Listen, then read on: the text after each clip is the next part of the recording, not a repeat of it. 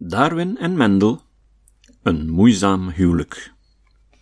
In 1900 werden Mendels erfelijkheidswetten herontdekt door onafhankelijk van elkaar Karl Correns, Hugo de Vries en Erich von Tschermak. Hoewel de onafhankelijkheid van de laatste twee ondertussen ter discussie staat. Vandaag lijkt een snelle vereniging van Darwinisme en Mendelisme korte tijd later herdoopt tot genetica, voor de hand te liggen. Maar historisch onderzoek wijst uit dat Mendelianen en Darwinisten elkaar in het eerste decennium van de 20e eeuw eerder vijandig bejegenden.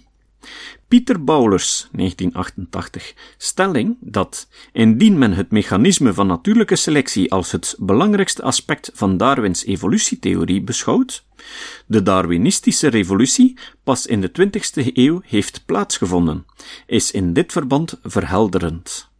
Bowler wijst erop dat in de 19e eeuw en in de eerste decennia van de 20e eeuw slechts weinigen natuurlijke selectie aanvaarden. Ernst Mayr beweerde dat de algemene acceptatie van evolutie op zich ten gevolge van Darwins werk als een revolutie kan worden beschouwd, maar hij is het met Bowler eens dat het mechanisme van natuurlijke selectie veel minder navolging kreeg.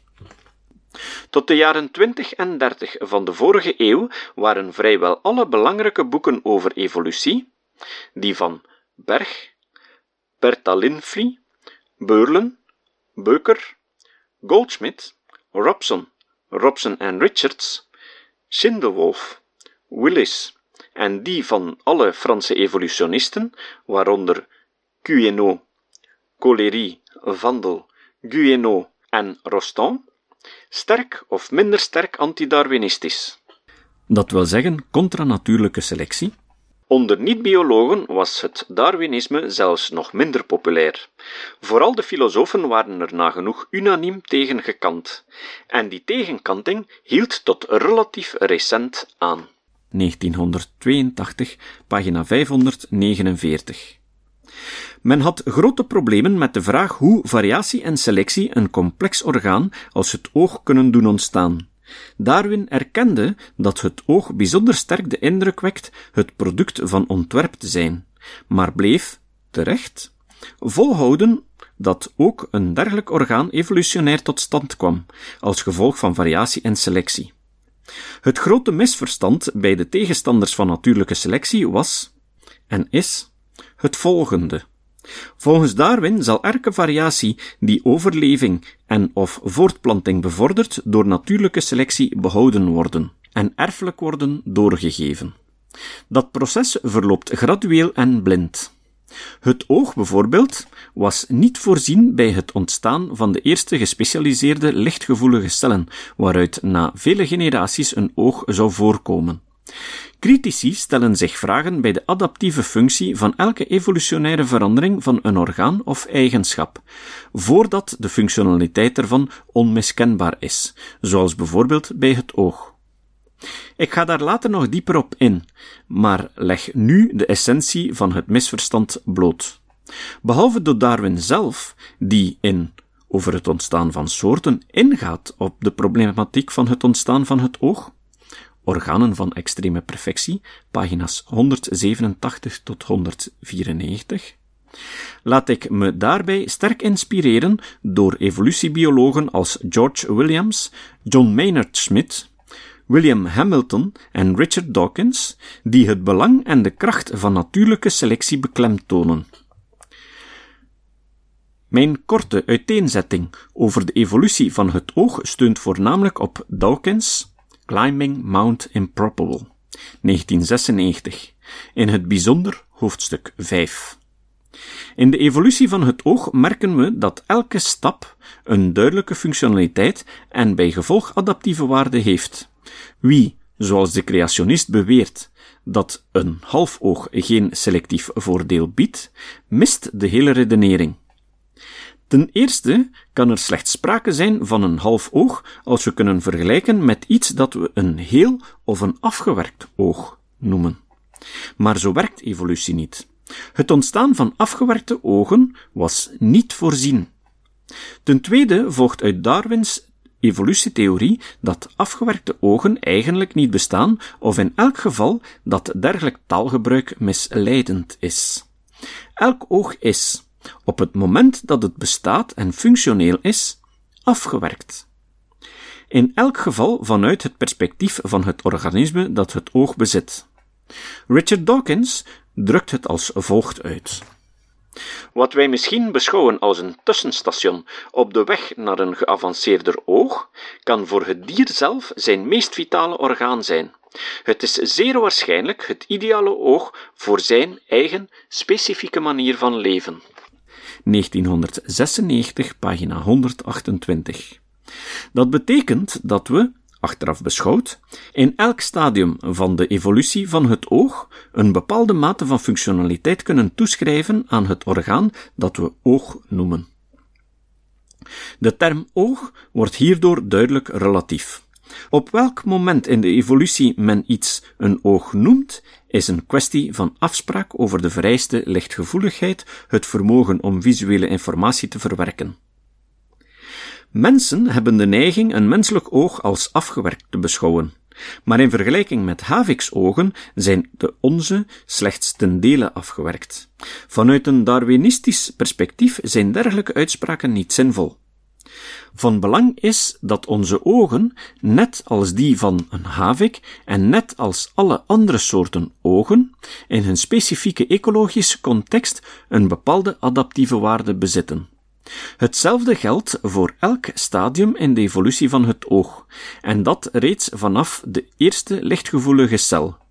Een organisme dat licht kan detecteren, is in het voordeel ten opzichte van organismen die dat niet kunnen. Aangezien lichtgevoeligheid een adaptieve en erfelijke eigenschap is, zal ze hoogstwaarschijnlijk worden doorgegeven aan de volgende generatie. Daarbij treedt echter opnieuw variatie op waarop natuurlijke selectie opnieuw kan inwerken. Een variatie met een iets wat grotere lichtgevoeligheid heeft een grotere overlevings- en reproductiewaarde en zal verspreid geraken over de volgende generatie. Hetzelfde geldt voor andere vermogens als kleurzicht en stereoscopisch zicht. Als dat proces zich vele duizenden keren herhaalt, kan dat leiden tot wat wij, misleidend, een afgewerkt oog noemen. De kern van de zaak is dat kleine, maar functionele wijzigingen gradueel geaccumuleerd worden door voortdurende variatie en selectie.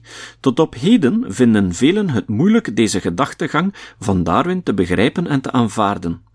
Rond de periode van de herontdekking van de wetten van Mendel waren enkele evolutietheorieën in omloop die zich afzetten tegen het zo pas beschreven Darwinistische mechanisme van variatie en cumulatieve selectie, of die er een persoonlijke, niet-Darwinistische interpretatie aan gaven.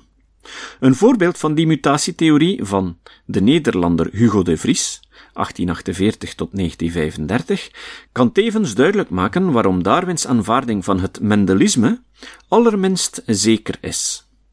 In Die Mutationstheorie, twee volumes 1901 tot 1903, nam de Vries aan dat evolutie schoksgewijs met discontinue sprongen verloopt, en dit relatief snel.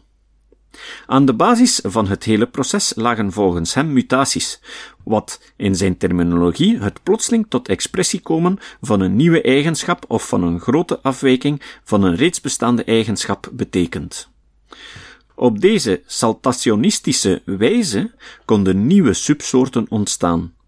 Het bestaan van natuurlijke selectie verwierp hij niet, maar hij nam aan dat dit slechts het mechanisme is dat zorgt voor de eliminatie van niet levensvatbare mutaties. De productieve of creatieve kracht ervan begreep hij niet. De evolutiebiologen van het begin van de 20e eeuw, die Darwins werk kenden en begrepen, verwierpen de Vries-theorie. Ondertussen weten we dat het begrip mutatie anders moet worden geïnterpreteerd, maar dat inzicht hadden de eerste genetici of Mendelianen niet. Bowler merkt hierover op Moderne genetici beschouwen mutaties als veranderingen in de structuur van aparte genen. Wat nieuwe eigenschappen in de kweekpopulatie introduceert en daardoor de variabiliteit ervan doet toenemen. De genetische theorie van natuurlijke selectie neemt aan dat alleen die mutaties die kleine eigenschapsveranderingen veroorzaken, de kans hebben door selectie behouden te worden, zodat hun frequentie in de populatie toeneemt en ze deelnemen aan de evolutie van de soort. Dat was echter niet hoe de term mutatie in het eerste decennium van de 20e eeuw werd gebruikt. Hugo de Vries populariseerde de term als eerste door hem te gebruiken om er grootschalige genetische veranderingen mee aan te duiden die in staat zijn ogenblikkelijk een nieuwe subsoort of zelfs soort te produceren. 1983, pagina 197. Indien Darwin Mendels artikel uit 1866 had gelezen, zou hij de daarin uitgezette erfelijkheidstheorie wellicht eveneens als saltationistisch hebben begrepen en bij gevolg verworpen.